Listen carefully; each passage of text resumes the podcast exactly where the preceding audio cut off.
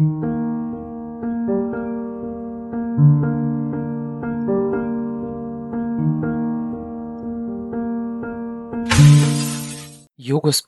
Jugospora, Jugos, Jugospora, Jugos, Jugospora, Jugospora, Jugos, Jugospora. Dobrodošli na podcast Jugospora. Ovo je nova epizoda novog poglavlja koji sam započela politikama boli i hipohondrijom, nastavila razmatranjem materice i kompleksne tematike na kraju politika boli u savremenim postjugoslovenskim književnostima i umetnosti.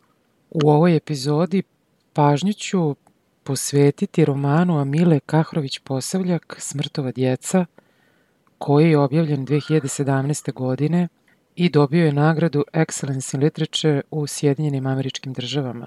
Tako da je neki radni naslov ovog podcasta politike boli kao alternativno čitanje ratne traume u romanu Smrtova djeca. Roman Smrtova djeca pripada postjugoslovenskom književnom obzorju, ali i užem polju književnosti djece 90-ih, sasvim raznovrsnom, bogatom i tematski usmerenom na traumatska iskustva odrastanja u ratnom i posleratnom periodu. I ovo sad moje izlaganje će pokušati da izdvoji roman Smrtova djeca kao jedan drugačiji pristup tematici ratne traume. Umetnički je posredovan glasom devojčice, potom tinejdžerke Amine, koja se na početku opsade grada doseljava u jedno od naselja u Sarajevu, pa je ovaj roman na neki način i mogućnost da se na sasvim neočekivani način umetnički preoblikuje i oneobiči čin boli u samom pisanju. U tom smislu posebnu pažnju ću posvetiti pristupu politikama boli kao jednom alternativnom tumačenju književnog dela, a čin boli na tragu teorije govornih činova je ovde na ovom mestu posredovan književnim jezikom i slika jednu horornu društveno-političku stvarnost u kojoj je došlo do rastakanja svih oslonaca i do nasilnog uništavanja života, imovine, identiteta, pa i čitavog sveta. Nasuprot ovom očekivanom glasu deteta, u romanu Smrtova djeca, reč je data ostaralim ćutanjima dece u bolnom umiranju. Grupa dece, među kojima je i naratorka Amina, starosti od 12 do 14 godina, preživljavajući u mesnoj zajednici, a mesna zajednica je predstavljena podrumima, zagušljivim sobama, prljavim krovovima garaža, zaraslim parkom i uvek tuđim stanovima. Dakle, ova grupa dece postaje zatočenik logora. I književna logorologija u ovoj novoj književnoj produkciji sa ovim romanom prerasta vlastite književne granice, zauzima i politički prostor promišljenja ratne traume. U zazorne logoreške strukture preobražavaju se pre svega porodice, potom lokalne zajednice, škola, njihov grad i njihova država. Deca će postepeno biti usvajana, udomljavana u novu zajednicu, a to je zajednica umirućih koji više nisu deca i nikada to nisu ni mogli biti.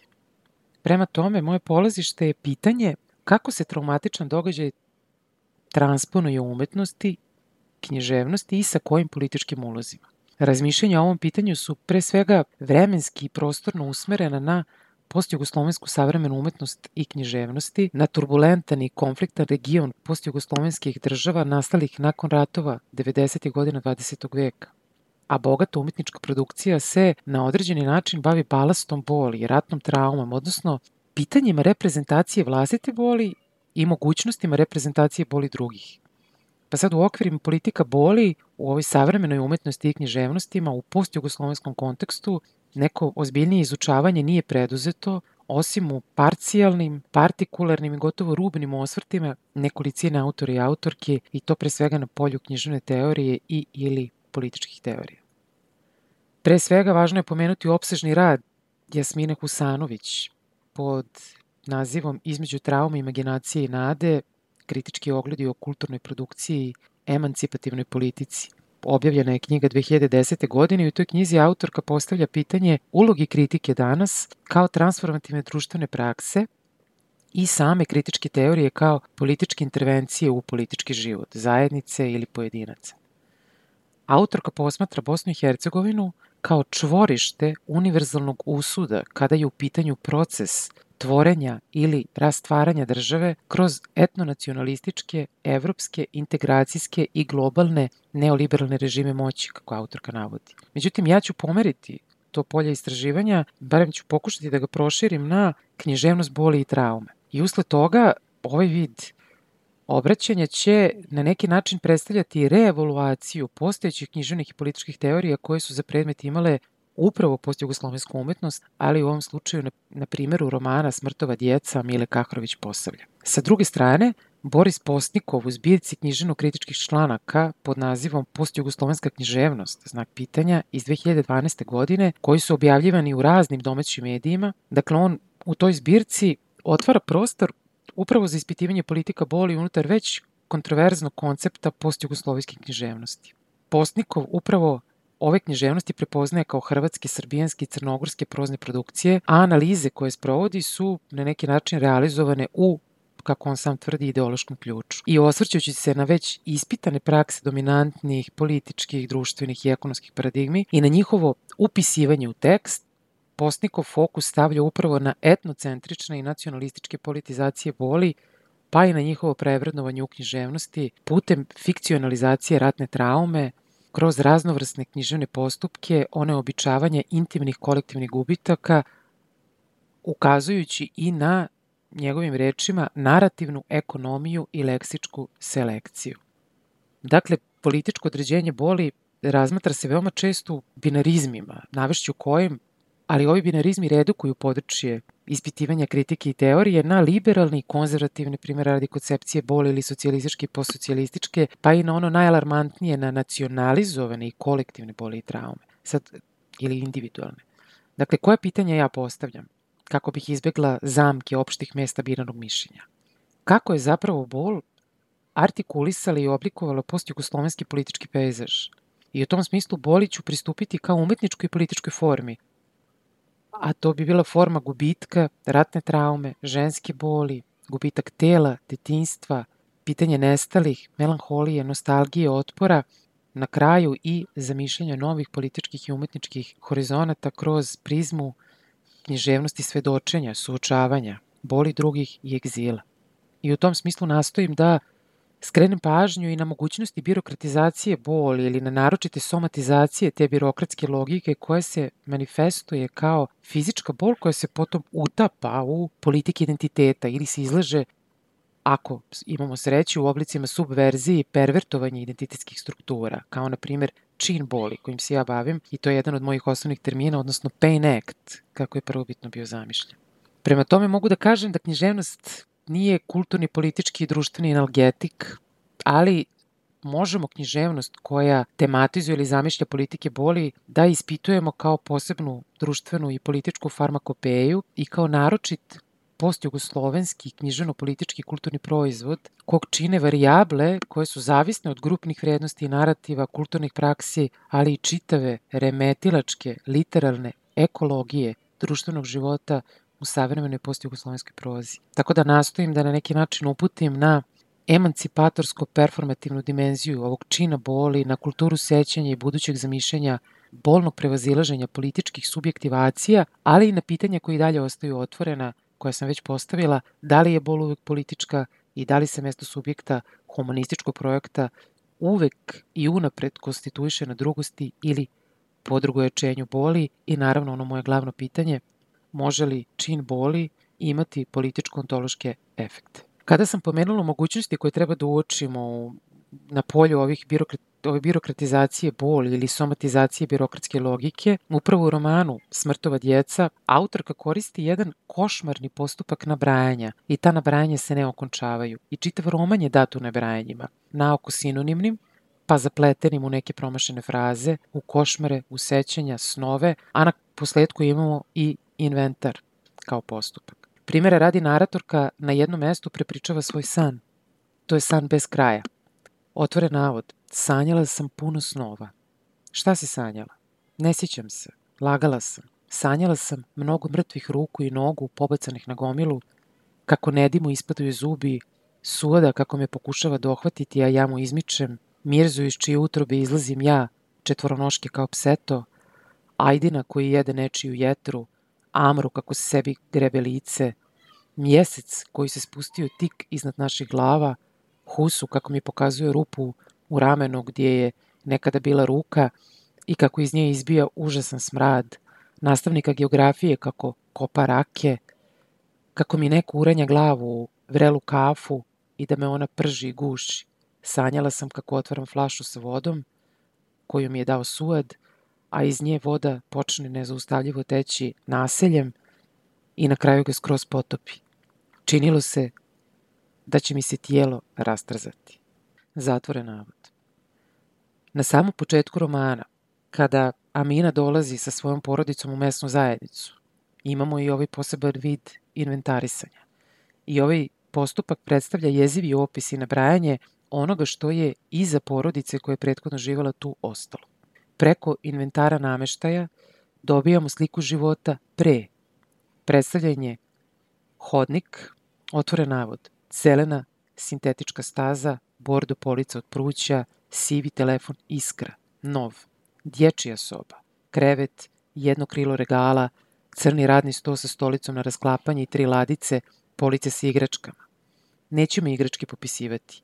I ponovo lažni osmijeh i debela ruka na mom tjemenu. Naranđasta posteljina, dvije deke, zeleni i tison, skupi komplet originalnih barbika. Imala si sreće, zar nije rekao da neće popisivati igračke? Pitala sam se.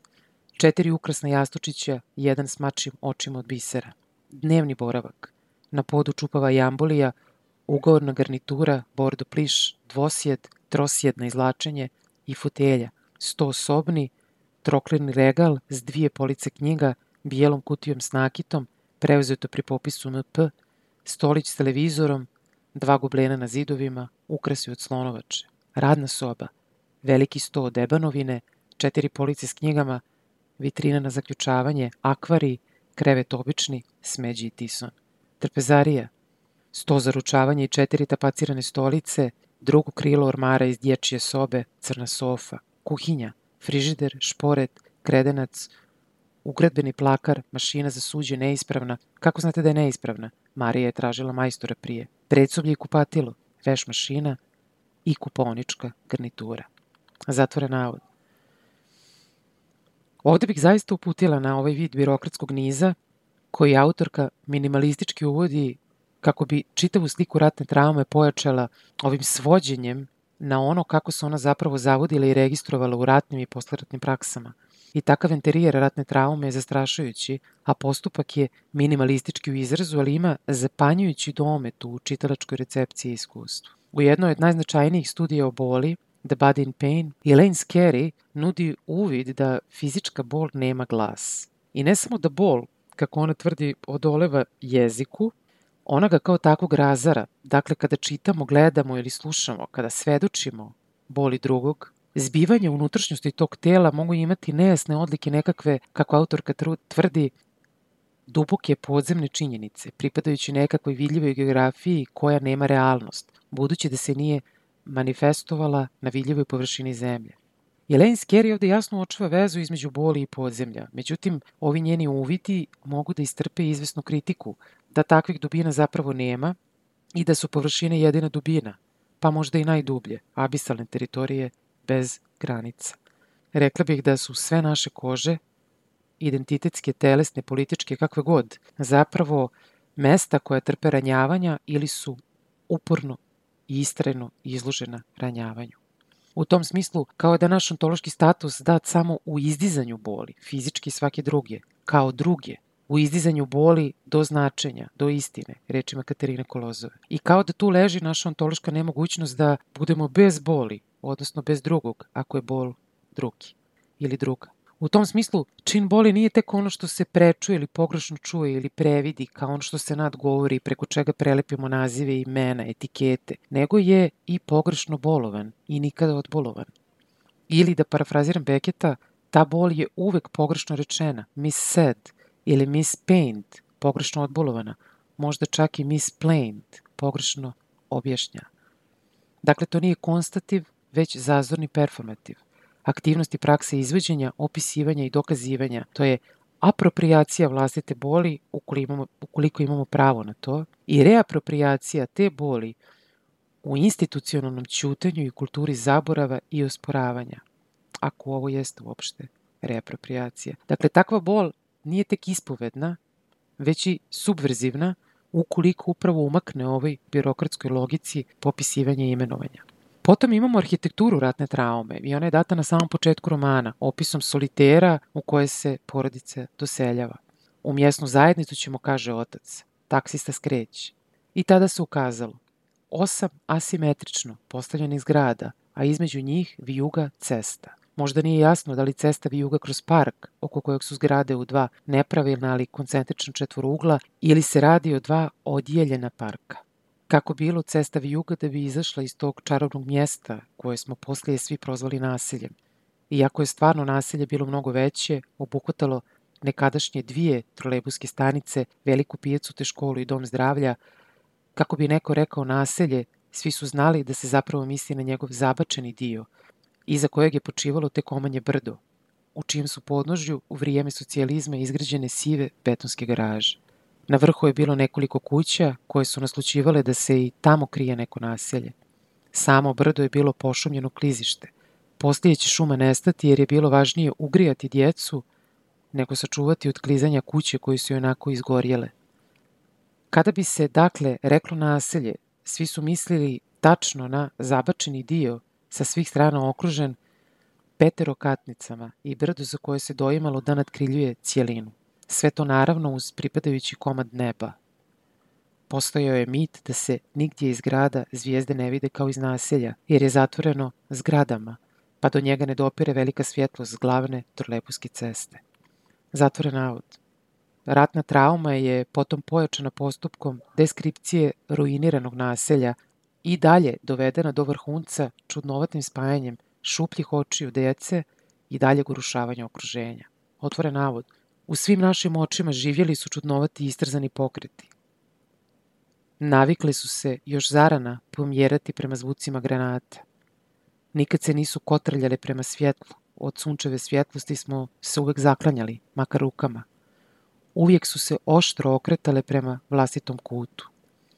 Oči su im bile, a i moje s njima, tame koje su sjele utisnute u duplje.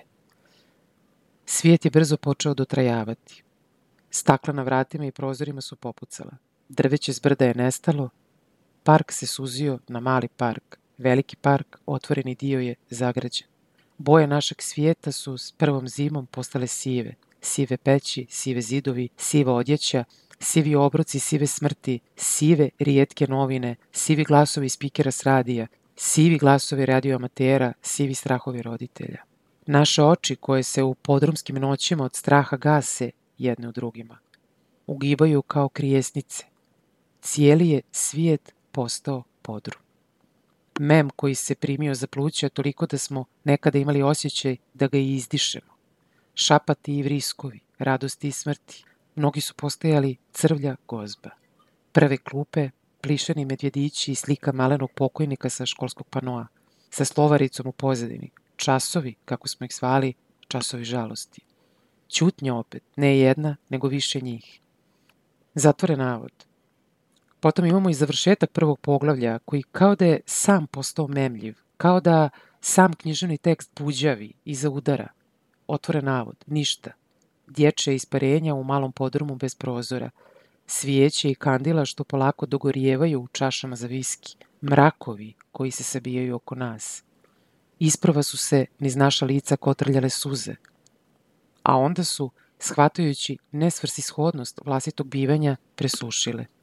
Oči su nam postale duplje bez suza. Polako smo postajali mem. Zatvore navod. Dakle, i tekst Enterijeri, likovi, eksterijer, polako su postajali memla.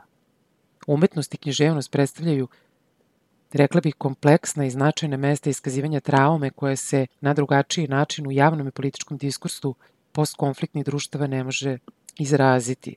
Pa se bol iskazuje u umetnosti i književnosti u formi činova boli ili bolnih činova – I ta bol je konstitutivna za postkonfliktna postjugoslovenska društva, za pojedinačni grupni identitet. A pojedinačna bol, kao primjera radi Aminina bol ili Suvadova bol, traži umetničke forme kako bi izbjegla političku manipulaciju kolektivnim identitetom i korišćenju trauma i boli za etno-nacionalističke ciljeve koji služe homogenizaciji grupe ili definisanju neprijatelja. U ovom smislu i umetnost i književnosti, postjugoslovenske književnosti, su polja stvaranja kontrahegemonijskog, odnosno manjinskog narativa o ključnom problemu postkonfliktnih društava. I postavlja se pitanje kako se književnost suočava sa fenomenom gubitka sveta, čitavog sveta. Budući da ne možemo govoriti o katalogu bolnih afektivnih iskustava, već radije govorimo o književno-političkim otkrivanjima i teskobnim susretima sa političkim brisanjima nenacionalnih boli. Mogla bih ponuditi uvide u bol kao jedno verbalno učenje, u književnost ili kroz književnost, kao društveno-politički život boli koji je pretočen u književni tekst i preispitivanje ishodišta čina boli u književnosti u nekim formama katarze ili empatije. Kada čitamo roman Smrtava djeca, shvatamo da se ujedno radi o društvenom i političkom problemu i da taj problem nema ni artikulaciju u javnosti i ostvaruje se u književnosti kao mediju kompleksnih, ličnih i političkih pitanja. U tom smislu možemo samo da otkrijemo kroz književnost da li ona daje prostor onome što ostaje neizrečeno u javnosti, a istovremeno je ipak konstitutivno za postjugoslovenska društva. Pokušat ću da završim pitanjem kako izgleda književno suočavanje sa samim činom boli, sa traumatskim događajima ili intimnim doživljajima koji dalje odjekuju kroz društvo i lične sudbine uprkos vremenskoj udaljenosti od gotovo dve ili tri decenije. I ovim pitanjima, posebno ovim pitanjem, bavit ću se i u narednim epizodama podcasta sama ili sa sagovornicama i sagovornicima.